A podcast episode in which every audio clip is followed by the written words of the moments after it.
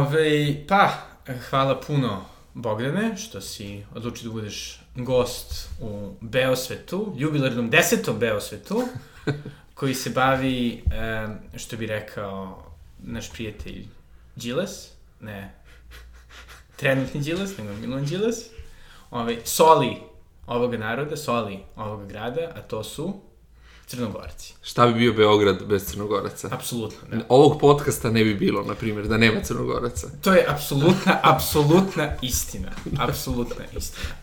Ove, ti, ne samo što si ove, rođen u baru, imao si ekstenzivno iskustvo u ove, kulturi, e, pre svega jeli, u obrazovanju, studirao si, završio istoriju, onda bio u Sapienci, nisi ljubio lance, možda si išao u San Pietro di Vincoli, ali Da, da. lance ljubio nisi. I takođe bio si ovaj, e, bodyguard Šaka Polumente. To je moj najveći, najveće dostignuće i toga ne bi bilo bez Crne Gore, tako da ja se osjećam beskreno srećno što sam tako obogatio svoje iskustvo. Tako da, tako da na neki način ovaj, ti nekako, mi se čini da, da kao neko, pošto ja sada jeli, istražujem svoje korene, nekako se povezujem sa tim svojim crnogorskim delom, jer sam ono, u krizi identiteta, neko čini mi da bi ti mogao da mi tu ovaj, pomogneš. Pa, a, ajde da krenemo ovaj, nekako, koja, koja je tvoja prva asocijacija što se tiče ono, Crnogoraca u Beogradu? Pa znaš šta, mislim da je to ono uh, jako individualno u smislu toga da, ne znam, evo ja sam došao u Beograd sa sedam godina. I to je potpuno, ne znam, drugačije iskustvo od nekoga ko ima koren u Crnoj Gori, ko nije u njoj rođen, ili od nekoga ko dođe kao zreli Student, čovek, da. da, no, naj, najčešće da kao student. Ali nekako ono kako smo pričali i prethodnih- dana o tome i pre podcasta, meni je, e, ja ovaj veliki sam fan i drago mi je da sam uspio tebe da ubedim da promeniš mišljenje o tome, filma Mali Budo. Mm -hmm. ovaj, e, I tu je, tu je zasluga reditelja, pre svega um, Bečkovića, koji je uspeo nekako da, ja mislim, u tom filmu isto ukači neke stvari koje, ako ste crnogorac u Beogradu, stalno ćete čuti od crnogoraca. E, naprimjer, ono što je meni genijalno u tom filmu, Uh, sad kad se setim je, kad ne znam, kad mi dođu prijatelji iz Crne Gore, pa kako, uh, kao mali budo, mislim, to može infantilno delovati, ali ima neki odbrambeni mehanizam. Kao ne bih ja nikada živeo ovde, ovo je prevelika gužva, ovo je ogromni grad, meni je super tamo u baru, Beranama, Bijelom polju, Da, gde da, god. da, da. Ali, ovaj, ali neki ono strah i, i taj strah od veličine Beograda koji govori, dovodi do te neke defanzivne reakcije, do tog isticanja, kao što mali Budo kaže, ovdje su svi penali. Dakle, da su u Crnoj Gori svi jako cool ljudi i to, a da su ovi ljudi u Srbiji ipak kao nešto dosadniji, običniji i tako dalje. I da kad god neko dođe iz Crne Gore u Beograd, da on odmah On ima duh. da on ima dug, da on glavna faca, što ja mislim da je prosto neka ono uplašenost uh, mnogih u Crnoj Gori, ja prirodan šok kad se susretnu sa metropolom kao što je Beograd.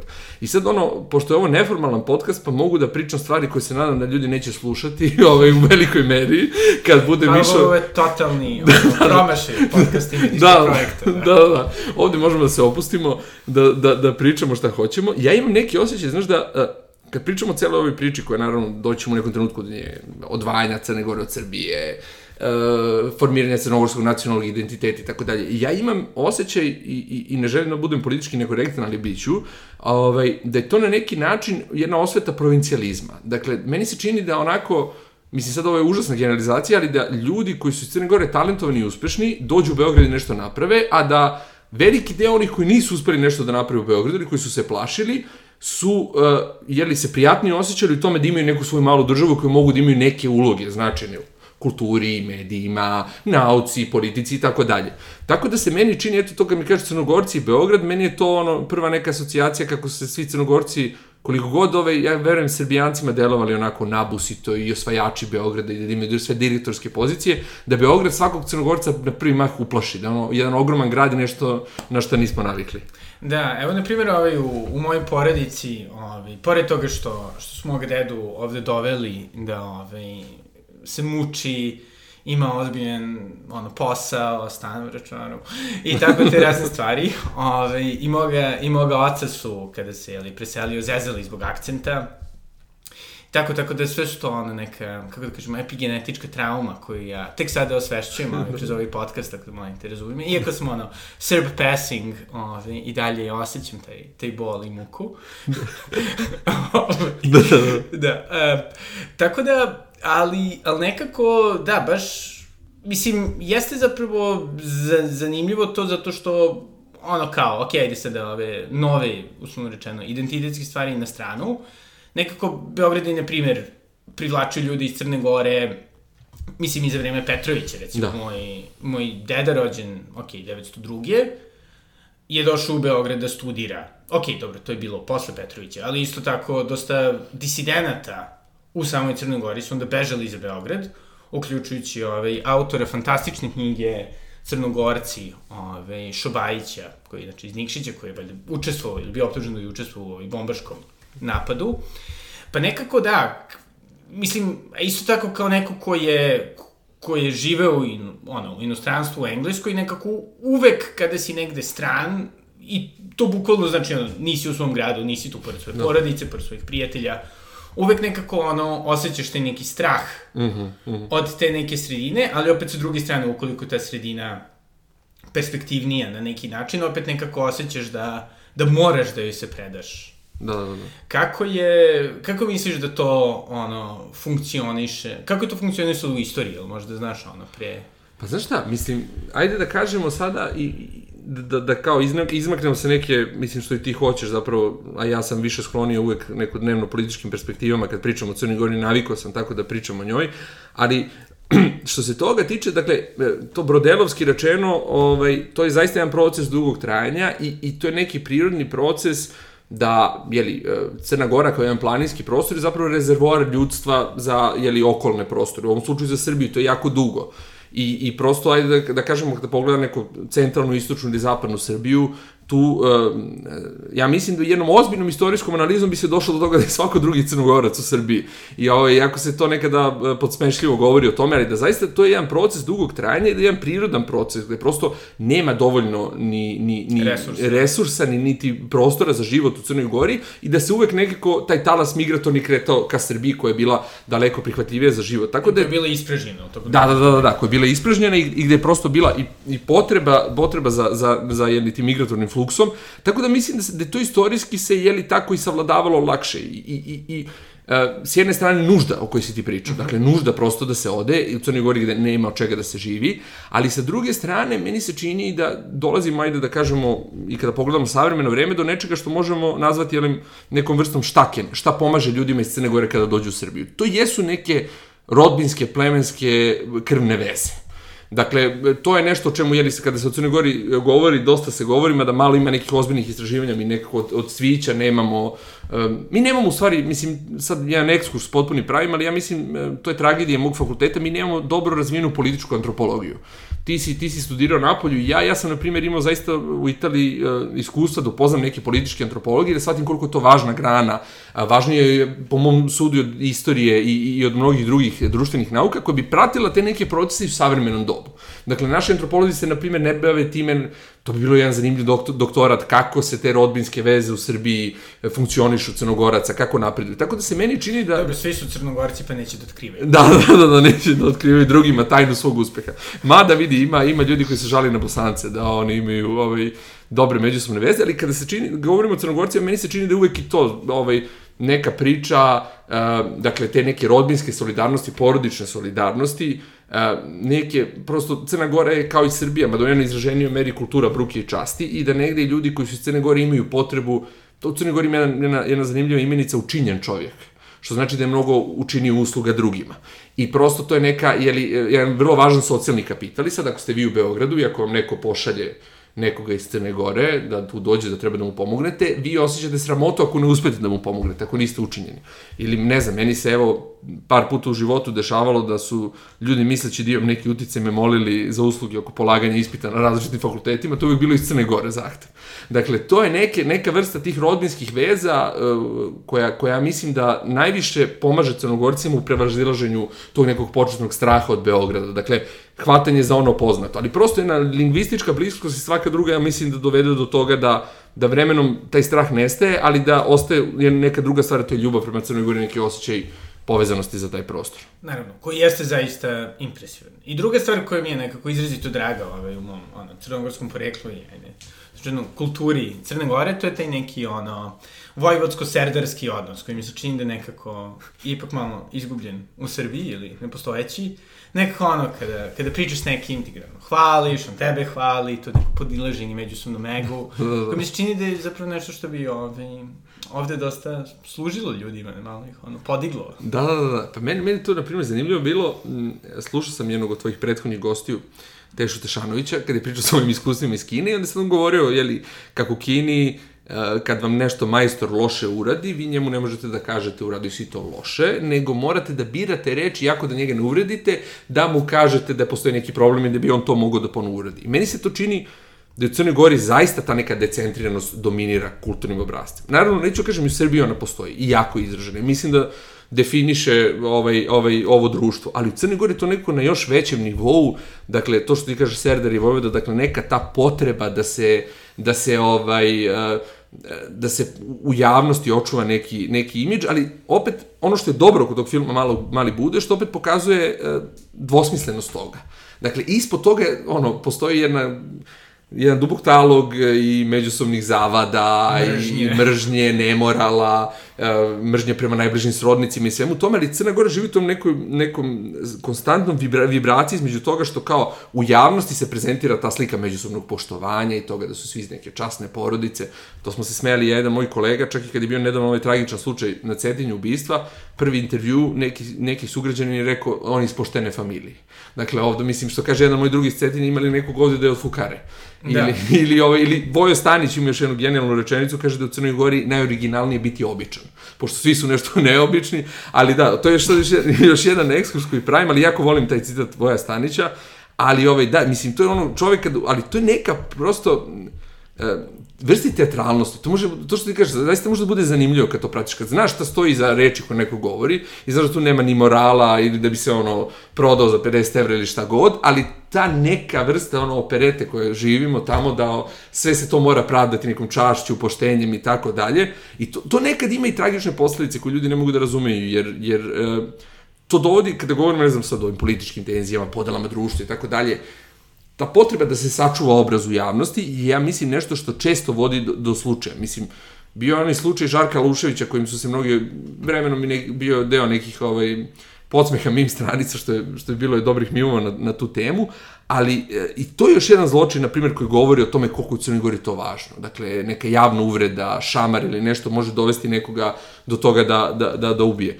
E sada, e, naravno, ovaj, sad potpuno s tobom kada pričam, ovaj, idem, idem i asocijativni nizovi i ekskursi, ali ovaj, neću da, neću da, pokušat ću da budem koherentan, ali to je, tako kažem, u jedno isto vreme jedna karakteristika Crne Gore koja je tragična i surova, ali je sa druge strane opet i nešto što ima neku lepotu ili ko je odrastao u tom da. kulturnom kodu prosto nekako samo u njemu zna da funkcioniše ili se u njemu osjeća, osjeća ipak dobro i svoj na svome. Da, da, mislim, čak i ako ono, nemam pojma, ja nažalost nisam dovoljno išao dole, mislim, iako imam naravno sjajnu porodicu, evo, pozdravim nekako budu slušali, svi neki prijatelji su divni, divni, divni ljudi, najbolji, naravno, ove, ali opet nekako mi se čini da se to nekako predalo i baš ta neka ono obsesija i, i u krenu slučaju što je dosta simpatično onako s poljašnjim izgledom, da, da. nekako izrazito je ono estetski orijentisan narod, ono kao. Da, da, da. I baš, ne znam ako si video, ali skoro sam radio onaj DAL-E, onaj AI, aha, aha. kao simulator koji, ali, kupi sa interneta razne stvari i onda sam nemam pojma, ona stavio kao perfect Serbian man slash woman i onda, znaš, kao, to su bili neki ljudi koji su bili okej. Okay. Ali kad sam ukucao crnogorce, sve ono što je Cvić napisao nama je apsolutna istina, apsolutna istina. Najlepši ljudi, da, da, sve u svemu, zato što očigledno ove, ljudi koji sebe, pretpostavljam, na internetu taguju Da, da, da. Onako, izrazito se trude da to budu hiper, hiper estetizovane fotografije, da izgledaju dobro.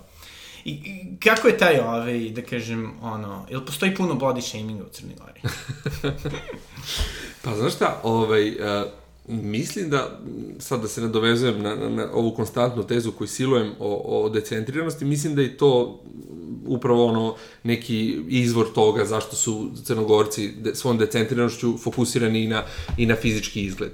Ali uh, u Crnoj Gori ne da samo da ima body shaminga, nego jedan moj prijatelj mi je, mi je otvorio oči ovaj, i otvorio mi je zapravo da mi jednu novu perspektivu na Mila Đukanovića, koju ja uopšte nisam, nisam shvatao. A, on je, dakle, meni rekao da. Više dečka jami. Da, više da dečka jami. ovaj, on je meni rekao ovaj, da postoji nešto zapravo homoerotski u odnosu biraču u Crnoj Gori, uh, to je pre svega muškaraca, prema Milu Đukanoviću. I sad tu kad ono čovjek, pogotovo sad ljudi vole onako, to su neke jeftine paralele da pa, po, podeš, porede Vučića i Đukanovića, ali zapravo ta paralela Vučića i Đukanovića otkriva mnogo razlikama. I sad, I sad kad pogleda neko Đukanović, on je mnogo svedeniji, drugačiji tip vladanja, ali to je čovjek koji onako ima onu, jeli, ta crnogorska muška lepota je karakteristična, onako glavonja jedan sa ogromnom nekom glavom, ja, ja se... I nosim, ja. Da, da, da, da, koji ima ono 1,98 i koji uvek nosi neka lepa odela, ali tu mislim da ono toga, u tom nekoj tradicionalnosti te sredine i, i, i ja mislim da kažem odnos prema homoseksualizmu u Crnoj Gori je sigurno mnogo tabuiziraniji nego u Srbiji uprko svim onim zakonima koji su izglasani i koji govore samo o besmislenosti kopiranja EU zakona, ali mislim da tu onako postoji neka potajena, neka zaista homoerotska čežnja prema Milu Đukanoviću koja je dovela do toga da mnogo ljudi glasa za njega i da je to to, ono da prosto u Crnoj Gori čak i lider koje neko mora da bude naoči, stasit i tako dalje. Mislim, to je verovatno u svim kulturama, ali meni se čini da je to u Crnoj Gori još, još izraženije i da je to ono jedna od tajna njegovog uspeha. Da, i zapravo ono, to je, to je dosta zanimljivo. Recimo, jedna stvar, pošto ja nažalost nisam izrastao koliko dosta ljudi iz moje familije, mislim da bi isto bilo fair ovaj, da se stvori određeni fond za pomoć ovi, ljudima crnogorskog porekla koji su, muškarcima, koji su niži od 190. Da li se slažeš? da, mada vidi, evo Dritana Bazović uspeva i sa devojkama i u politici i, i, i sa manjom, manjom ove visinom, tako da, šta znam, možda to možda bude ono kontra ili da bude drugačiji, tako da, ali ne, stvarno ono u Crnoj Gori je katastrofa. Ima 1,86 i ja se u Crnoj Gori osjećam potpuno bedno, tako da sam išao u Italiju da lečim svoje komplekse jedno vreme života i da sam 1,86 dominiram, ali... Da, i konačno, to je, jeli, taj zanimljiv ovaj odnos sa Italijom, među Crne Gore i Italije. Moga dedu su italijani zamalo streljali, ove, kad su okupirali Crnu Goru, moju babu isto zamalo da su ubili i to, međutim u mojoj porodici, svima nama, omiljena zemlja je Italija. Italija. Pa znaš šta, tu, ajde da kažemo dve stvari u, tom, u ome što si rekao ko, koje bih volao da prokomentarišem. Jedna je odnos Crne Gore i Italija, drugo je kao generalno odnos ovog prostora prema Italiji. I sad, pošto ono kao Italija mi isto zanima, pa bi se zadržao prvo na ovom drugom, sad sam baš analizirao sa jednim prijateljem, kao ti kad izvučeš neku istorijsku vertikalu, Italija je u drugom svetskom ratu okupirala dobre delove srpskog nekog prostora. Uh, 90-ih je u ratovima ipak bili, bila na strani Zapada, 99. čak bila ovaj, važna vrlo u Srbije sa bazom avijanu i tako dalje. I što je još važnije, Italija je bila kao jedan od mecena jeli, veliko-albanskog projekta, čak i u ovim novim vremenima promoter i, i, i podržavalac kosovske nezavisnosti. I sad upreko svemu tome, ja mislim, nemam neka, neka relevantna istraživanja, imam više neko lično iskustvo, ali meni se čini da je opšta slika Italije, neki utisak u Italiju u Srbiji jako pozitivan. Ne znam kako ti na to gledaš, ali meni se čini da većina ljudi Italiju doživljava kao neku... Kao obećanu zemlju. Obećanu zemlju, prijateljsku i tako dalje. Tako da, ovaj, uh, to je, to je s jedne strane, tako da me ne čudi ni ovo, ni ovo, ni ovo što, ti, što ti kažeš, da, da je u tvojoj porodici uprkos tome nekako pozitivan utisak u Italiji. Što se tiče Crne Gore, uh, um, i te neke bliskosti Crne Gore sa Italijom, to s jedne strane, ja bih rekao da postoje dva aspekta, jedan je politički, drugi kulturološki.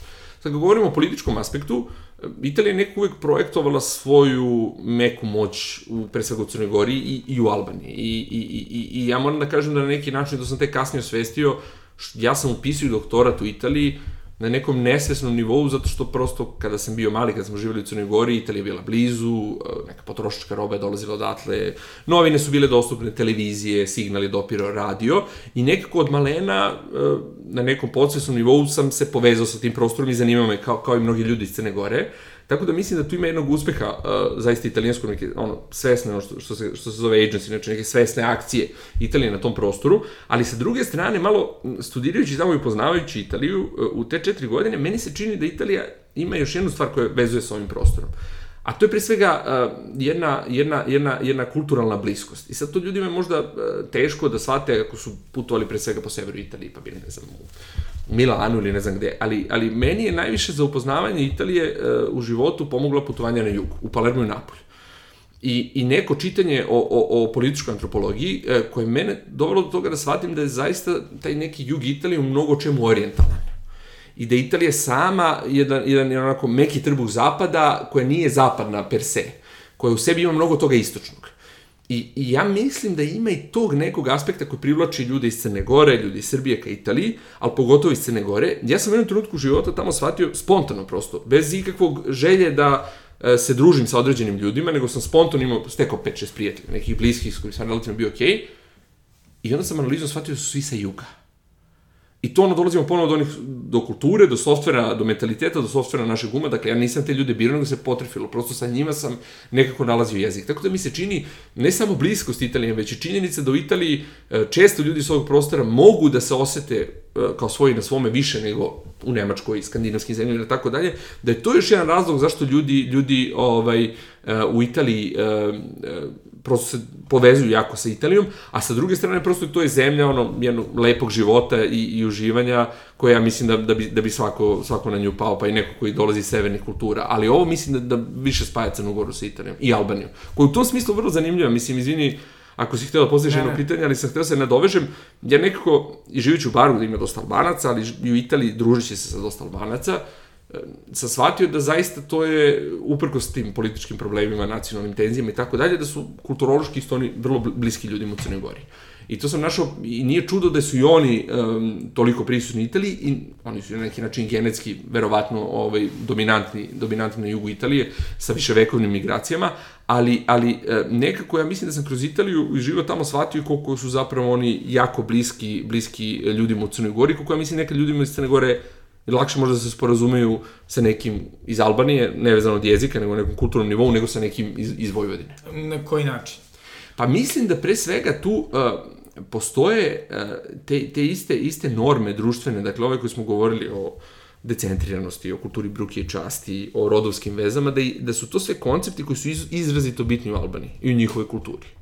I ne znam, u odnosu prema novcu, prema čašćavanju međusobnom i tako nečem, e, vidim da da li je to sad, da, da li je to povezano i sa siromaštvom, pa nekom željom da se siromaštvo ne pokaže pred da. drugima, da. ali mi se čini da se to isto vidim i u Crnoj Gori i u Albaniji, prosto ta neka ono, agresivnost oko plaćanja računa koja postoji u Srbiji, ali mi se čini da nekako na višem nivou ovaj, u Albaniji i među Albancima i među Crnogorcima neka ta želja moj utisak je bio tako, to su ovo sad potpuno neke paušalne analize koje iznosim, da, da. ali ovaj, neki utisak da je to neka, neka želja da, da, da se siromaštvo ne sme pokazati i da je to neki ono, ono, ono kompleks tih uh, planinskih, suštinskih siromašnih, siromašnih mesta koje nemaju nemaju ovaj sredstava ni, ni, ni, ni za prehranu u istorijski gledano u, u, velikim, u velikom, velikim periodima, tako da i u toj nekoj želji dakle, da, da, da, da, da, da se obigrava oko onog običnog što je glad i beda, da se prosto stvara i ta neka teatralnost kojom se prikriva ta, ta golotinja. I mislim, znam, pričao sam sa, prijateljima često o tome, jedan moj prijatelj, njemu je, njemu je supruga iz Mačve, koja je, na primjer, uh, on iz Mačve, izvinjam se, koji je um, kraj poznat po stradanjima, borbama i tako dalje, ali on kad je otišao kod svoje supruge koja je iz Crne Gore, video je da za jednu ono tursku žrtvu u tom kraju gde ona živela je ispevano 10 pesama, u Mačvi za ne znam stotinu hiljada ubijenih Srba neće biti ništa ispevano. Dakle, to je neki taj dinarski mentalitet koji ima isto potrebu za tim opevavanjem. Da, da, da, da. Po... Da, i recimo ovaj, mislim, možda jedna od tih stvari zapravo, zapravo ta razlika između, da kažem, ovih pastoralaca, odnosno vlaha, to jest ljudi koji su imali kontakte sa, sa životinjama da. i brinuli se o njima i živjeli u oštrim stvarima i ljudi koji su zapravo živjeli u ove, visoko razvijenim, agrikulturnim, relativno, da kažem, da, visoko da. razvijenim, poput, jeli, mačve. I nekako cela ta je, mislim, ono, planinska stvar, iako, naravno, s njom nema veze, nažalost, nisam čak ni bio ovaj, u mašnici, niti ovaj, u tim nekim, ne kažem, svojim prapostojbinama. Um, nekako da, deluje da zaista nekako oblikuje ljudi. U krenom slučaju, ja to čini mi se da je, da je to krivimo, ovaj, zbog, nekako mislim da genetski sam bio predodređen da budem ovaj podcaster. Ovo je samo da sam malo muzikalniji, te ono guslama. da, da, da, da, da. I, I to je ono što je fascinantno, recimo ta ovaj, kreativnost iako se radi ono izrazito, da kažemo, ono, prostoru bruke i časti. Kako, kako, mislim, dosta ljudi u Crnoj Gori onako su baš ekspresivni. Da, da, da. Čak bi neko rekao ekscentrični. pa, mislim, znaš šta, to, to je ono, ono, kao što kažem, opet nemam... Uh, ja negde ovde ono, baš, baš, baš govorim neke svoje lične utiske, fali, ja mislim, ozbiljnih studija svemu tome, ali meni se čini da je sve to neki način zapravo su kolektivnog suočavanja sa traumom. Mm -hmm. Ta crnogorska ekspresivnost, uh, nekada i logoreičnost, potreba da se sve opeva, da se sve teatralizuje. Ekshibicionizam. Da, meni se čini da je to sve negde suočavanje sa jednom traumom surovog života u suštini. Golog, svedenog, bez nekih sadržaja, dakle u planinama, bez velike nekih koncentracije ljudi, bez hrane, bez ičega, neka potreba da prosto se živi na neki način, u, u, u, da se konstruiše neka lepša realnost od one surove u kojoj se živalo. I to je meni nekako bilo uvek, jer sam često razmišljao baš na, na, pitanje koje si mi sada postavio, to meni nekako bilo uvek najracionalnije objašnjenje toga.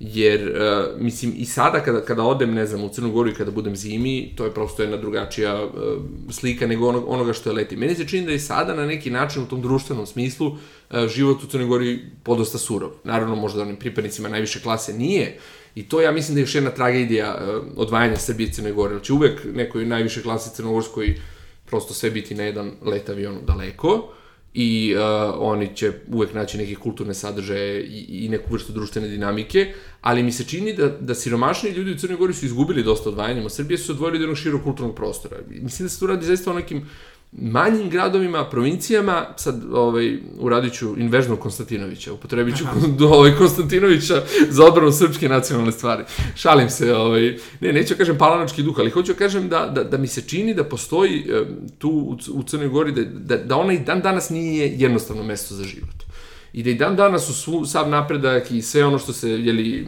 kako se plasira u medijima slika o Crnoj Gori, mislim da i dan danas u njoj jako teško živeti, da je malo prilika, da je mladim ljudima malo toga dostupno i meni se čini da onda se na taj način još uvek perpetuira ta potreba za tom nekom vrstom teatralnosti i, i te neke društvene dinamike koja obogaćuje tu neku svedenost koja, koja je u stvarnom životu. Da, ali recimo onda sa druge strane, znaš, imaš ono, celu kao kritiku konzumerizma, lahkog života, preterane saturacije da, da. kulturom, koja je vrlo često propagandističnog karaktera, čak i u Srbiji, ko bi rekao. Ove, I, i nekako, i, i zapravo da može zaista to, to stvara neki prostor za veću, ono, samo ekspresiju. Pa da, mislim, to, to ovaj, ti sad ovaj, konstruišeš plemenitog crnogorca ovaj, Naravno, da. iz centra Beograda, naš, njime je bolje, oni žive u kontaktu s prirodom, ovo je katastrofa. Noble savage. da, da, da, noble savage.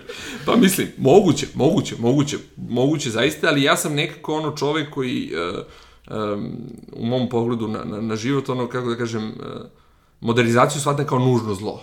Mm -hmm. i kao nešto neizbežno. I čini mi se da, da, da ono, u, u toj neizbežnosti i svemu tome, da, da, da, da, da Crna Gora loše podnosi taj šok modernizacije. Jer je previše mala. I, i, i čini mi se neko kao, kako su Srbiji to sve bolje odvija, mislim da je Crna Gora sa 600.000 stanovnika, da, na, da u isto vrijeme zapravo dobije najgore doba sveta da e, u ovom u šoku modernizacije gubi e, sve te neke stvari koje su tradicionalno nju činile karakterističnom drugačijom bogatijom e, da njih sve lomi neko sadašnji ono ubrzani modernizacijski život u kome u kome takve forme ne mogu da postoje ili su previše skupi ili oduzimaju previše vremena, a da sa druge strane, kao što je malo, ne, pošto je malo, ne može ni dosti neke blagodeti modernizacije u smislu boljeg života, većeg nekog uh, konzumerizma i tako dalje. Tako da se meni čini da je Crna Gora tu negde, negde zarobljena i da će u njoj zapravo onako procesi modernizacije ići još teže nego u Srbiji i da će dugo mlest, ono, što bi rekao Kristijan Golubović mleje, ovaj, da će dugo da mleje to društvo, ali ovaj, uh, zato sam je nekako onako pesimističan i čini mi se da, da, da, da van svih nekih priča o nacionalnom identitetu i tome kako se ja osjećam, meni se čini da sa te neke strane da Crna Gora je ostalo sakaćena odvajanjem od Srbije jer je postala jedna mala izolovana država koja u nekim modernizacijskim procesima potpuno ostaje, ostaje na zapičku svega. Mhm, da.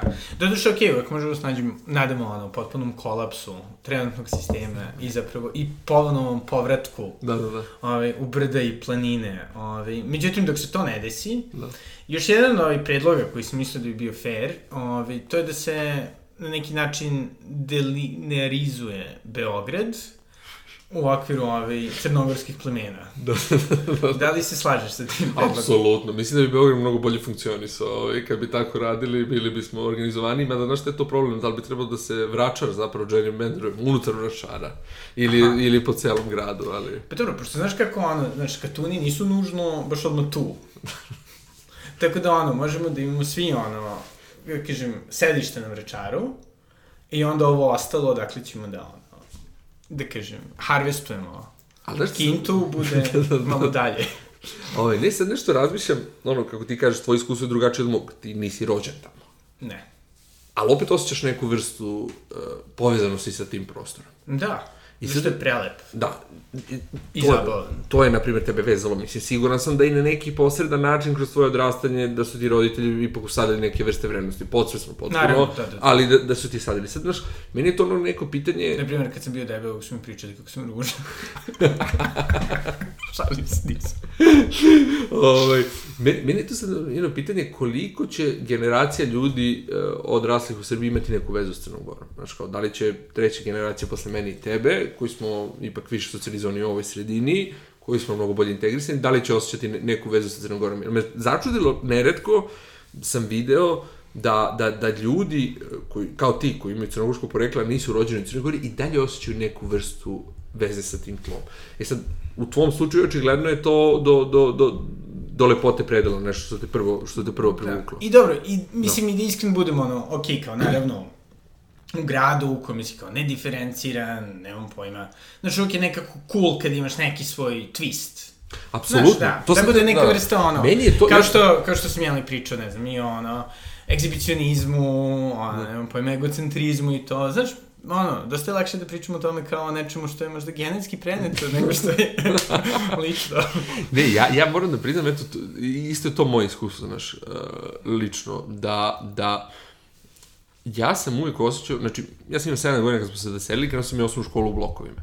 I sad, novi, ono što je super kod Novog Beograda, što ga volim, je što je to opština Homo Novus. I tako da nema veze da li si ono došao iz bara, iz Batočine, Svilajnica, dakle god, zato što niko nije staro novo Beograđanin i prihvatite tamo, ali ja sam nekako uvek imao neki unutrašnji osjećaj da je jako cool to što sam ja s mora i što imam stan na moru i što kao leti dva meseca provodim na moru. jeste. da, da, da, da. Manje cool nego što ljudi ovi misle, jer ono kao kad živiš je drugačije nego kad si turista, ali kao opet, kao i to je meni nekako, uvek sam osjećao taj neki osjećaj da to, ima neki osjećaj da je to nešto posebno moje, jako cool i drugačije od drugih i da je to nešto što me odvaja i da je to kao jako super. Tako da da, možda ovo je to ono šansa očuvanja neke identitetske veze s Crnogorom u tome, da je to kao zapravo cool. Da je pa brendirano da. kao, kao cool. Pa dobro, ali mislim ono, ekološka država, da. ne, ali za, mislim ono, zaista jeste ono prilično impresivna, impresivna zemlja. I nekako ono, mislim, ajde sada ono, šalom na stranu, iskreno bude meni ovo celo identitetsko zezanje, ono još, sećam se i čak i 2000, tako je bio smo ono, mali, ali sam ipak da. nešto pratio politiku, neko zaista je krenulo to neko ono širenje neke zle krvi, da. ono nekih, da kažem, priča, ono, što iz prošlosti, mm. što sada, o nekoj međusobnoj eksploataciji, da, da. i življavanju, ovome, onome, i nekako stvarno to pogađa, i da ne pričamo ovo sada što je kulminiralo 2019. jeli, da. sa da. zaista užasnim, užasnim ovi, pričama o, o, o nacionalizaciji crkve, o svemu nekako, jel ti se čini da, da se stvarate neka ono zla krvi, da postoji zla krv? Pa, sad, ja mislim, moram da priznam da sam tu ličan kad kao analiziram Mila Đukanovića i njegovu političku zaostavštinu, uh, ja mislim da je to najveća negativna posledica svega toga što je on uradio. Dakle, što, znaš, ja nemam taj odnos, ne fetišizujem demokratiju i ne mislim da je nešto što je autoritarno samo po sebi loše. Uh, ali ono što je problem je što je on svoju autoritarnu vlast održao baš tim uh, akcentuiranjem te podale. I, i, I to je, nažalost, sad kad, evo, živimo u vreme gde je tema broj jedan rat u Ukrajini. I meni se čini, onako, nisam neko ko, ko, ko poznaje mnogo Ukrajinu i Rusiju, ali meni se čini neko glavni utisak ovog rata i svega što se desilo, mi se čini da je taj nation building ukrajinski od 2014. do danas dao ploda i da ono osam godina jedne vlasti koja propagira jednu politiku, u ovom slučaju to je bila antiruska politika, u kulturnom smislu mislim, dakle da to da odmah plodu i da to stvarno promeni svest ljudi. Meni se čini da nažalost to nešto što... Pogotovo koliko ima prođu u nekim drugim sferama. Da, da, da, da. A meni se čini da je to što je radio Đukanović, da to na tom fonu, dakle da je on jednu situaciju, uh, vratit ću se na, na neki moj pogled šta je zapravo crnogorski identitet i kakva je neka istorijska evolucija toga. Ali meni se čini da smo i zaista u jednoj fazi gde to uh, mnogo odaljilo e, Crnu Goru od Srbije, stvorili čak neku negativnu predrasudu među mnogim ljudima u Srbiji od Crnoj Gori, koja ja mislim da nije bila ranije, ali i samim ljudima unutar Crne Gore ovaj, po, počela da gradi identitet ne na izuzetnosti, nego na antisrpstvu. I zaista mislim da, da, da, da, da to nije za pocenjivanje i da je to najveća negativna posledica njegove vladavine i da jeste donalo i, i da je situacija mnogo drugačija nego 2006. 2010. 15. ili ne znam šta s jedne strane, ja kao neki optimista mislim da je Crna Gora i Srbija da su toliko povezane na toliko načina, da je neka vrsta potpune rupture nemoguća. Da od nekih stvari koje, koje ne možemo da kontrolišemo, poput, ne znam, masovne kulture, da su Crna Gora i Srbija tu toliko povezane, da ono, to ni jedna politika ne može da odvoji. Ali opet s druge strane, kao koliko god da sam tu optimističan, a, meni se čini da ipak je Đukanović uspeo mnogome da, da podeli a, i ljudi u Crnoj Gori između sebe, ali i Srbiju i Crnu Goru i da unese neke zle krvi. I ne bih uopšte pocenjivao rezultat te, te, te vladavine mislim da je to nešto što onako mora se uložiti dosta energije da bi se to u nekom trenutku prevazišlo. Naravno, najbolje će se prevazići ako to bude na obostranu korist obe države, obe društva i da, da postoji takav neki osjećaj da tu niko nikoga ne izdržava niti ne pomaže. Ali da, mislim da ukratko odgovorim na tvoje pitanje, mislim da je apsolutno to, to, to podiglo tenzije i, i, i da je promenilo nekako prirodu odnosa iz Crne, Crne Gore i Srbije. Nadam se ne nepovratno i sve što se desilo 2020. godine dalo neku šansu da ipak možda to nije nepovratno i da, da. može da, da, da se vrati da. nazad. Jedna od velikih misterija, ovaj, da kažem, pristupa Đukanovićevog ovaj, prema identitetu je to zato što nije povezao svoj ovaj, antiklerikalizam još dublje. Navodno, ovaj, Dioklecijan, jeli, po svom prezimu, prezimu, imenu, zapravo ovaj, je bio iz Duklje, njegova majka je bila iz Duklje. Ove, misliš da postoji, da bi to imalo smisla? Neko da se povežemo zapravo s našim, ono, ilirskim, romanskim, ove, da, korenima. Pa, pa, pa, znaš šta, mislim sad ono kao, sa jedne strane, jako ti je smešno kad gledaš nation building uživo. Uh, jer kao okasnio je, ne znam, 150 godina za Srbima, Grcima, Rumunima, Italijanima, Nemcima i onda ti kao jako smešno da danas gledaš ono, da ne znam, dan vojske Crne Gore, dan bitke na tuđim ilima kad je Duklja pobedila Vizantiju.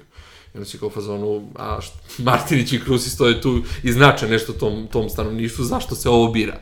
Mislim, to su neke stvari koje su onako potpuno abnormalne, ali a, sad, ono, neko s druge strane da budem đavolji advokat može da kaže, pa možda je nation building i Srba, Rumuna i Grka bio smešan u to vreme. Eli... Pa sigurno jeste, da. da. Mislim, dosta toga je bilo ono, recimo, ceo kult Vidovdane delom bio propaganda iz prvog pa, svjetskog rata. Svakako, neke stvari, mnoge stvari su se tu, su bile plod... Koristi. I ono, a, direktne da. akcije elita. Sad, naravno, možemo da se uvek sporimo i koliko je ono to, da li je tu srpski primjer drugačiji, da li ima neke posebnosti s tom srednjovekovnom tradicijom, crkvenom i tako dalje i tako dalje, ali da, kao svakom slučaju, mislim, ja kao nacionalista mogu da kažem da su nacije da ono, koriste izmišljenom tradicijom. No. Da. Ali, ovaj, i ne mislim da su zbog toga manje važne ili, ili no, da, da, legitimne, kao, kao, kao, šta više mislim da su neki najlegitimniji vid povezivanja ljudi. E sad, dakle, mi tu ono, kad gledamo u Crnoj Gori, kad gledamo tu elitu, zaista vidimo uh, jedan smešan nation building. Mislim, ti sad pominjaš to Duklja, što ne govori, to su ozbiljni ljudi neki tamo govorili, povezivanje sa ne znam kim i čime. Ali nikad sa Dioklecijanom. Da, nikad sa Dioklecijanom, to je ono sledeći korak. Ali ovaj, meni tu nekako ono, jedna od stvari i lekcija kad, kad, kad sam to gledao, mislim, posmatrujući taj proces nation buildinga, izmišljene tradicije, malo mi se čini da ono, je to jedan dobar primer uh, koji pokazuje, uh, pa kažem, bedu intelektualnih elita. Mislim, grup, grupna reč, ali Đukanović je tu jako dobro shvatio, koliko god je on merkantilistički orijentisan i da on neko koji je nekada bio Srbin, sad je Crnogorac. Ili možda baš zato što je merkantilistički. Da, baš zato što je merkantilistički orijentisan i je shvatio da, da, da intelektualci imaju određenu funkciju. I da mogu biti dobro iskorišteni u izgradnje nacije.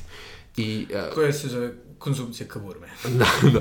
I mislim, e, to ljudi, e, prosto glupo je sad kao da pominjemo na nivou Imena. tračeva, imena, nekretnine koje oni imaju, ali e, ja sam, mislim, bavim se istoričarstvom, radim u Beogradu u struci i znam ko otprilike koliko ljudi koji su e, neki, ajde da kažemo, vrhunski stručnjaci u mojoj branši zarađuju, u kakvim stanovima žive, kakve kola voze, a znam isto i šta naše kolege iz Crne Gore kakve kola voze, kakve stanovi imaju. Dakle, Đukanović iskoristio taj neki period da potplati intelektualce u Crnoj Gori davanjem e, nekretnina, kola, visokih plata koje su bile mnogo više nego su Šeci stimulisuje kulturu. Da, i stimulis. obrazovanje. Ne, zaista to je jedno vreme bilo nenormalno. E, I, I mnogi ljudi su čak iz Srbije, i to je još jedna, još jedna važna poenta u tome, dakle, mnogi ljudi iz Srbije su dolazili tamo i to je još jedna genijalna stvar od Đukanovićevog političkog nauma, gde on shvatio da politiku koja je suštinski antisrpska će najbolje promovisati ako ima likove iz Beograda koji tu politiku uh, promovišu na njegovim televizijama, univerzitetima i tako dalje.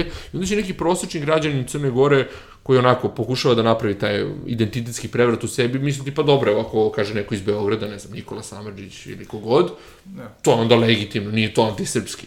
Jer je glavna poenta nekog Đukanovića vlasti bila da ubije tu neku tradi tradiciju i da kaže ne, ne, ne, nije to odricanje od tradicije, nije to antisrpsko, to je samo crnogorsko. I to je objektivno. Da, a to je zapravo Evo, bilo... ali što najsmešnije zapravo, to je neka vrsta dobro da kažemo ono, samo provincializacije, da ti je potrebno da ti neko iz Beograda Da, da, da. kaže Da ti da potvrdu, Da, da, jest, jest, jest, ali to je ono, Mislim, hvala Bogu, to su Srbi nikad ne dešava. Mislim, mi nikad ne gledamo na zapad, da dobijemo E, potvrdu. e, ali da, mislim, tu kad smo kod toga, mene jako nervira fenomen Gorana Šarića, pseudoistoričar koji je jako popularan u Srbiji, jer mislim da tu čak i ono patriotski orijentisane snage u Srbiji i običan narod ima potrebu da mu neko iz Zagreba kaže ne, ne, ne, vi ste cool, vi ste okej. Okay.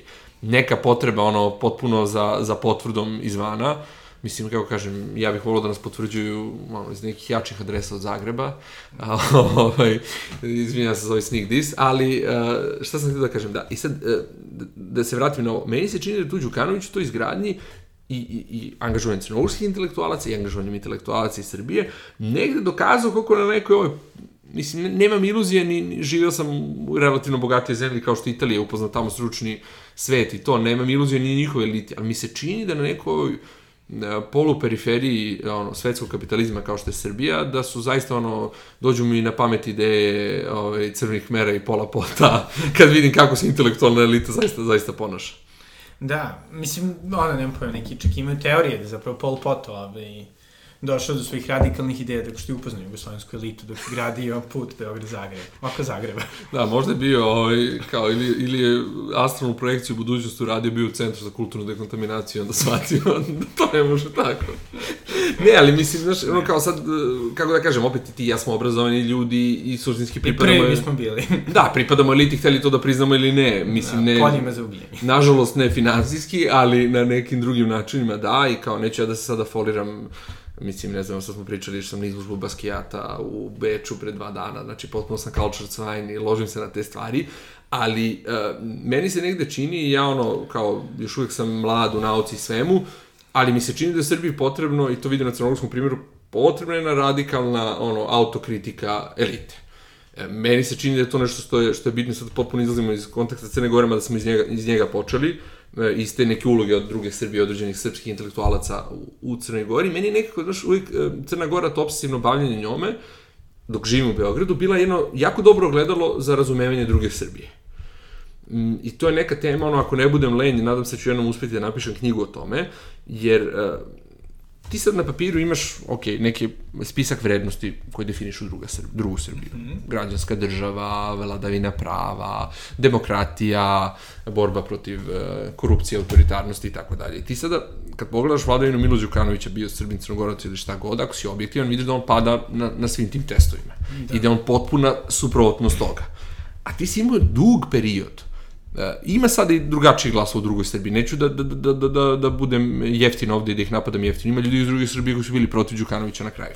Ali on je dugo imao podršku druge Srbije, čak i u vreme kada je, ne znam, u Crnoj Gori ubijen glavni opozicioni novinar, kad je ono bilo jasno se bave švercom, kad je on vladao u to vreme, ono već 15 godina i šta god. Što se tiče šverca i toga, ovaj, gledajući istoriju, to je naša indigena kultura. Tura, tako, tako. Ne, ne, i sad ovo bez jezanja, jednostavno da. ono, to je, to je ono, mali privrednici, bave se nečim, Da. koriste svoje ovaj, kompetitivne snage, zaista. I pritom, iskreno da budem, da li želiš da ovaj, veliki proizvođači cigareta imaju više profita? Ne, ali znaš šta, sad, to, to je druga, druga tema. Ali o- da, ali nebitno, ali da, da se Ne, vraćamo. ne, ne, ali ovo mi je zanimljivo, zato što, zato što kao, mislim da je surova istina Crne Gore, istorijski gledano, da je uvek bila ekonomski neodrživ prostor. Dakle, i kad je imala ono, svoju prvobitnu državnost, ne ovu sada, da je uvek bila neko ekonomski neodrživ prostor. I onda, znaš, ono, kogod da se ti šališ ovo za, za švedski jaram, ti kao, ne znam, pogledaš Siriju, uh, Hafez el Asad ili toga, ili Tito u Jugoslaviju, pa šta fali malo da, ono, koristimo Pa da. neke kanale i da tako finansiramo i da živimo bolje nego što Da, proizvodimo. mislim, ono, setimo se opijumskih ratova. Da, da, da, mislim, uopšte, tako da ne, ne, to uopšte, ja, ja, ja, ono, nemam ništa problema sa švedicom cigara, samo... Dosta više ove autošovinizma. Da, da, da, da, to moramo, samo moramo to da upotrebimo na, na dobre strane. Ali da, mislim, generalno, ono, mi se čini da, da, da Crna Gora će uvek, kogod bio na vlasti, kogod je ideološka paradigma, da će to uvek postojati, jer je to neki način, i to je praksa koja je starija stvarno Crne Gore, što se tiče samog švedca cigara, prosto to se zna da je nešto što je u bivšoj Jugoslaviji bio državni posao i tako dalje, koji je samo sa disolucijom socijalizma iz e, državnih ruku prešao u privatni, privatni posao. Ali da, ovo što sam hteo, što sam se vratio nekako uvek kao, kao, kao, kao dete koje ono, živo u neko vreme BDS-2 Srbije, posle oktobarske, gde je bio bombardovan tim sadržajima i koji sam jako nekako se ložio na liberalizam, demokratiju, ne znam, ono, mislio da je to sve jako cool i tako dalje i ono... Jer jeste. Da, da, da, da, zato što i jeste. Ovaj, e, pozdrav za ambasadu Sjedinjenih američkih država. Nadam se da ćete nam pomoći u e, daljem radu na ovom podcastu Democracy Great. Ovaj, e sad, e, znači ono kao ložeći se malo na to, neko meni uvek praćenje Crne Gore odbilo ipak od ono srpske verzije liberalizma, koji je ono najgori liberalizam koji postoji Da. ovaj, na svetu, jer sam vidio da stvarno kao ono, sve te vrednosti koje Šato drugo Srbija zastupa, ti vidiš da u Crnoj Gori su oni podržavali čoveka koji je ono, ne kažem dobar ili loš, samo nije to. Nije demokrata, nije ono, ustanovio vladavinu Da, da. prava. I onda ti tu vidiš naš... Nisu mogli da cen, zapravo ni, cijenili su Crnogoru iz pogrešnih razloga. Cenili su i onda, znaš, kao, sad pitanje je glavno, kad, pitamo, kad gledamo drugu Srbiju, da li su oni antinacionalni ili antisrpski nastrojeni. I sad kao znam, ono, ne želim da dam jeftin odgovor na to pitanje, a meni se čini, plašim se da kao ako gledaš Crnu Goru, pa zaključak će biti antisrpski su nastrojeni. Da.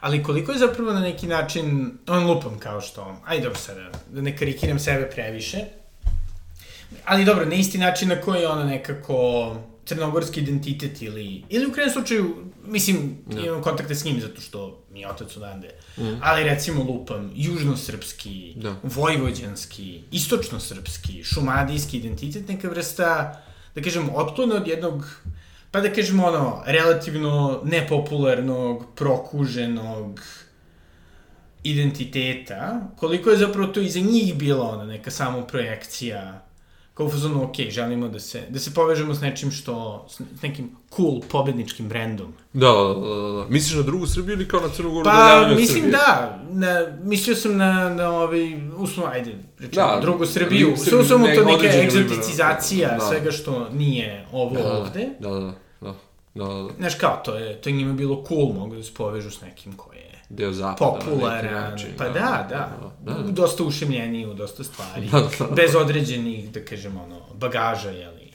istorije. Jeste, jeste, jeste. I, i ono, ali jeste, mislim da je, da je to nažalost ono jedna činjenica i kao nešto što stoji iza pojave crnogorske nezavisnosti je i ta činjenica da prosto ono, sad banalizujem, ali nije bilo cool biti Srbin ili biti povezano sa Srbijom. I da je to ono, ratovi 90-ih i kako su se razvili, da, da su doveli do toga. Mislim, prosto činjenica je da crnogorska državnost mogla da u svakom pravcu. Ja mislim da, da, da je nešto drugačije bilo u poziciji Srbije prema zapadu, da bi to bilo drugačije. Ali, to su sad ono ne, neka nagađanja politička, ali ono što je meni važno da kažem, što se tiče identiteta, mislim, sad ono, nisi mi to uopšte pitano da se ja vraćam na to iz neke asocijacije. Znaš, ja uh, neko i sam sam imao problem da shvatim za sebe šta sam. Da li sam Srbin, da li sam Crnogorac, šta znači biti Crnogorac, ok, nisam nacionalno Crnogorac, šta to za mene znači. Etnofluid. da, da, da, da. Ovaj, još jedan shout-out za ambasadu Sjedinjenih američkih država. Ovaj, uh, i- kao, ono, pokušavajući da razumem to nešto i kao, ajde da kažem, u nekom razumevanju, ja sam lično kao bio na nekim, shvatio sam na nekim pozicijama srpskog integralizma, šta god to znači, to jest neka potpuno unificiran, unificiranost i toga da smo svi Srbije, dakle god, da smo jedna nacija, da je jako važno da se osjećamo kao jedna nacija. Ali, e, to je neko moje lično iskustvo, verovatno je oblikovano i time što sam ogroman deo života probao u Beogradu. Ali, e, znaš, jedno vreme se povela ta, ta diskusija u Srbiji o dualnom identitetu i nažalost povela se na jedan tabloidan način i sa, i sa patriotskih strana, tako da je da kažem da, da sad kao kritikujem i odnos neko nacionalne elite u Srbiji prema Crnoj Gori. A, nacionalna elita u, Crnoj, u Srbiji, ja mislim srpska, kada govori o Crnoj Gori, mislim da ne može da shvati uh, u Crnoj Gori, uh, kako da kažem, tu činjenicu da u, u Crnoj, uh, i Srbi iz Crne Gore osjećaju jednu posebnost u odnosu na srpstvo. Sad da kažem, da dam neke istorijske paralele i da dam neke lične primere. Dakle, mene, ja se sećam uh, drugari kada sam bio klinac, kada dođem u bar, i kada ovaj, odem na, idem na plažu svaki dan, drugari koji su u Srbiji, koji su sada bili na litijama, kojima su roditelji glasali za zajedničku državu, dakle, apsolutno ne dovodi se u pitanje njihov nacionalni identitet. Oni su meni podrugljivo govorili da sam srbijanac. Mm. Znači, kao, to je prvi put sam čuo, ono, na ličnom primjeru, nijedan, nijedan albanac, bošnjak, nacionalni crnogorac me nije nazvao srbijancem podrugljivo, a oni jesu. Mislim, nije to bilo sad kao neka prevelika ovaj, malicioznost, ali je govorilo o njihovom nekom E, percepciji Srbije i, i toga što se... I, znaš, ono, studirajući istoriju, pa ti si mi poslao jedan odličan članak uh, američkog novinara koji je zapažao neke opaske na frontu crnogorskih vojnika. Dakle, ti imaš tu konstantu u Crnoj Gori. Dakle, da i oni koji su e, se osjećali kao Srbi i koji su prosto kod kojih to nedvosmisleno, a, da su osjećali su uvijek neku vrstu superiornosti i posebnosti u odnosu na Srbiju. Sad, naravno, ja mislim da je to pogrešno za Crnu Goru i za Srbiju u Crnoj Gori, ali sad, šta god ja mislio, da li ja mislim da je to pogrešno ili, ili dobro, to je jedna realnost, koja ja mislim da u razmatranju politike, društva i svega se mora uvažiti. I sad to je naravno zanimljiv fenomen i jedan, jedan kolega iz, iz Crne Gore, Nikola Zečević, istoričan, napisao odličan članak o tome, o tome a, kako a, je kod mnogih a, ekstremnih Srb, Srba, da kažemo tako, u Crnoj Gori iz predratnog doba, a, kako su u drugom svetskom ratu završili kao fašisti i crnogorski nacionalisti. Dakle, kako je taj neki osjećaj a, povišenog posebnosti unutar srpstva vodio kod nekih i u razvijenje posebnog nacionalnog identiteta.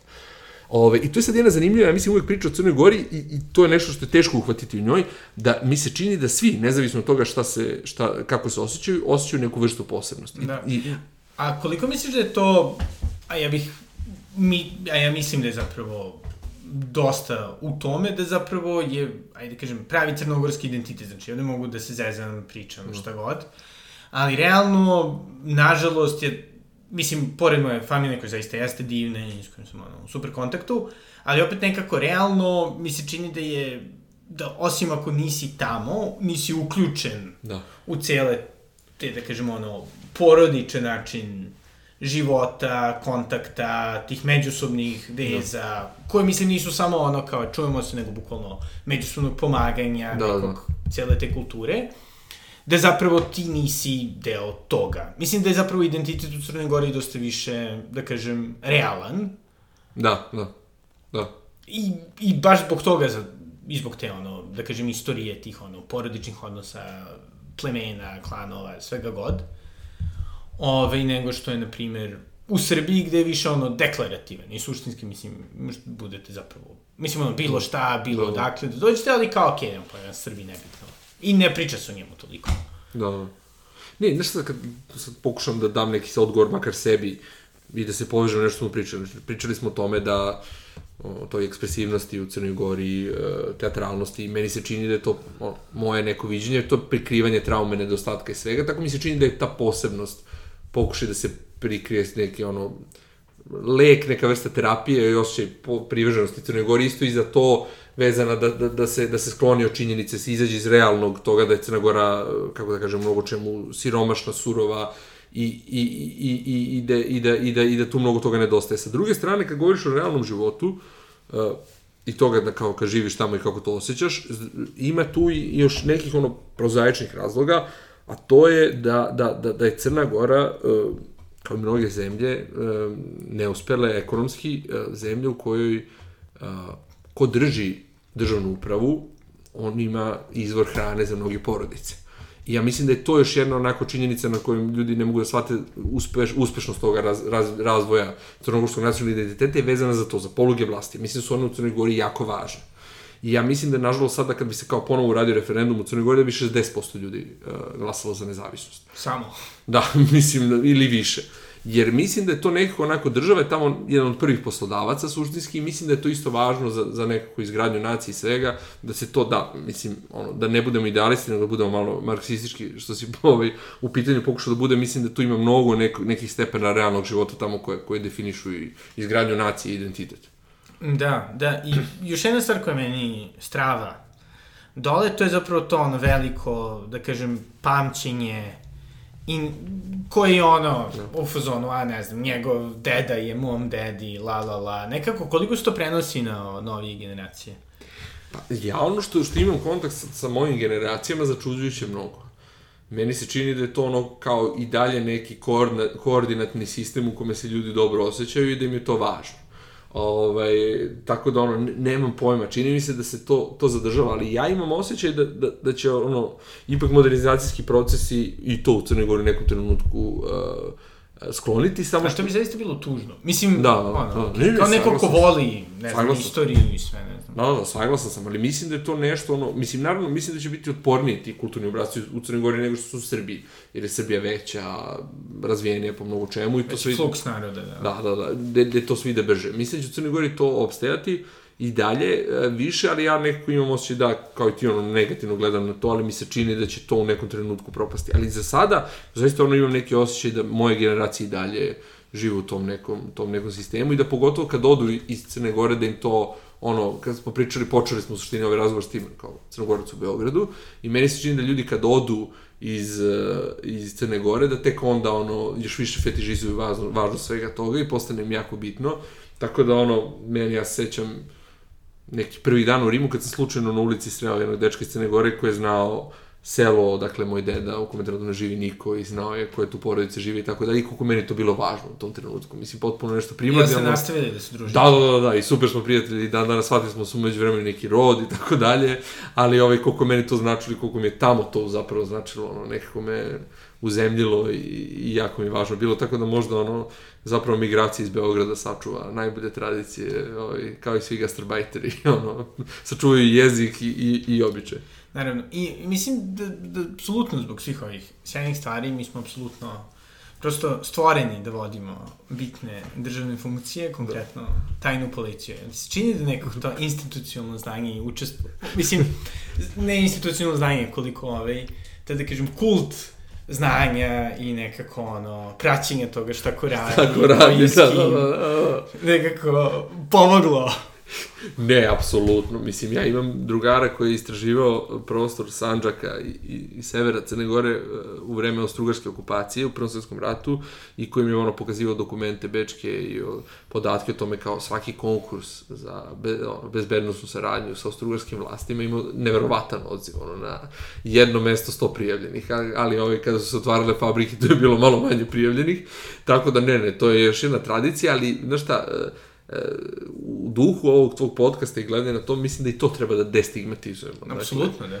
Znači, ne više ovaj, da, da to bude neka teatralizovano prikrivanje toga, nego da destigmatizujemo i da to prosto nekako bude jedno prirodno zanimanje za ljudi iz Crne Gore i to je to. Tako da, shout out i za bezbednostnu informativnu agenciju koja treba da nalazi regrute ovaj, među mladim ljudima iz Crne Gore. Apsolutno. I zapravo na neki način ono, to je, Crna Gora je na neki način preskočila možda čak tu celu modernost, Znači, od ono, kao rada u fabrikama, mučenja, loše hrane, ovoga, onoga, nego ono, od pastoralne sredine, posle postmoderne sredine, da, su svi da. podcasteri, da, da.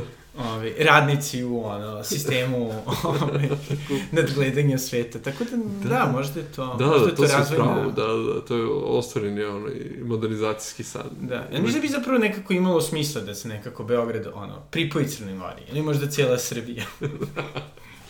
E, vidi, to je bio san kralja Nikole. Da bude eksklava. To je bio san kralja Nikole, tako da sam siguran da bi ono, ovaj, mnogo ljudi u Crnoj Gori se zanosilo time, ali ono, čini mi se, nažalost, da...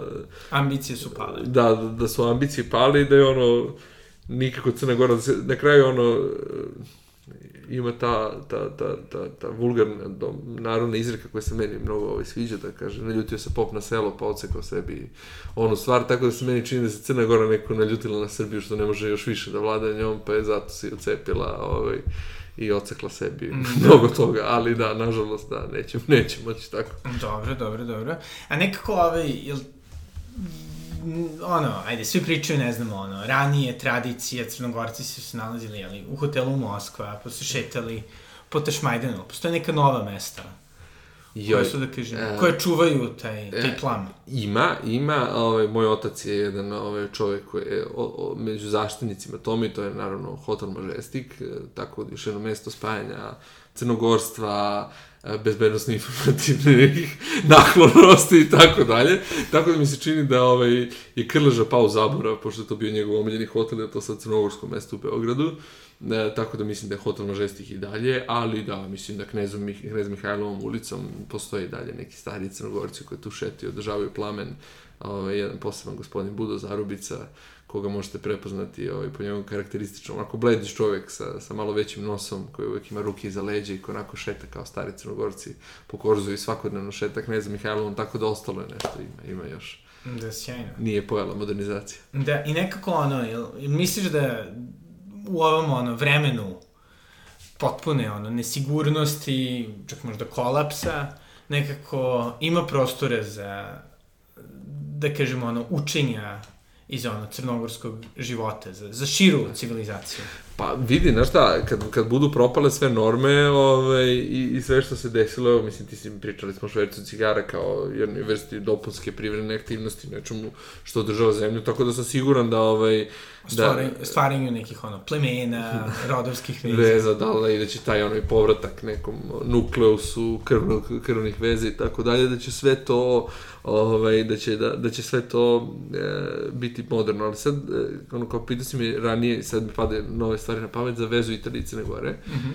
i, ovaj, i rodovske veze, kao, ajde, kao jedne su prvih asocijacija na Crnu Goru, e, u Italiji je e, od svih mafijaških porodica bila najuspešnija mafi, ovaj, e, mafija iz Kalabrije. Aha. A mafija iz Kalabrije je bila najuspešnija zato što je tu jedino, e, i to je bila jedina mafija gde je porodica zapravo zaista porodica. Ne kao ono što gledamo u Sopranosima gde nisu porodica, nisu krvno vezani, nego su to, nego gde je porodica zaista bila porodica. Postmoderna porodica. Da, da, da, da, zaista ono, i krvna i, i poslovna porodica i dakle tu je ono, kapo je otac, deda, kogod i ono, kao ispod njega su njegovi sinovi, tako da ove, mi se čini da, znaš, ono, kao, to, to je dokazalo uspeh, tako da ne bih, ne bih otpisao te rodove, oni su bili najuspešniji, najmanje su ih hvatali, zato što je tu izdeja članova porodice bila izdeja i srodnika, tako da ne bih rekao da su ta premoderna ove, znanja zabaciti u ovom postmodernom svetu. Apsolutno. Tako da, eto, ovaj, slušalci, Bogdan ja ćemo držati ovaj, seriju seminara o tome kako biti crnogorec, hiljadu i po evra, jedan seminar. Tako da, šalim se. Imaš nešto da dodaš, Bogdane? ne, mislim, moramo samo da odlučimo, naravno, gde ćemo da održimo, da održimo te, te ovaj, kurseve. Ovaj, Srđan voli planinu, tako da žabljak sigurno, ali kad smo kod toga, stvarno da se sve, možda smo se pretredno zezeli to, ali da kažem ono što stvarno odlikuje, odlikuje Crnu Goru, da je ta neverovatna prirodna lepota i, i ja ovaj, koji obožavam Srbiju i koji, koji, koji sam toliko vezan za nju i koji se osjećam više neko del, delom srpskog društva nego crnogorskog, mislim da ne postoji ono na ovom prostoru ništa kao, kao žabljak, tako da Crna Gora ono, komplikovana zemlja, komplikovanog identiteta, razumem da su mnogim ljudima u Srbiji često crnogorci iritantni, naporni, šta god, ali mislim da ipak ima mnogo toga lepog da, da ponudi, tako da poruka za kraj podcasta ovaj, da treba da se prepuste ljudi i da, i da zavole Crnogoru. Apsolutno, i Crnogorci, što je najbitnije. Da, da. Tako dolazimo u miru. Ostajemo u miru. Osvajamo u miru. Hvala puno. Evo na čemu, hvala tebi.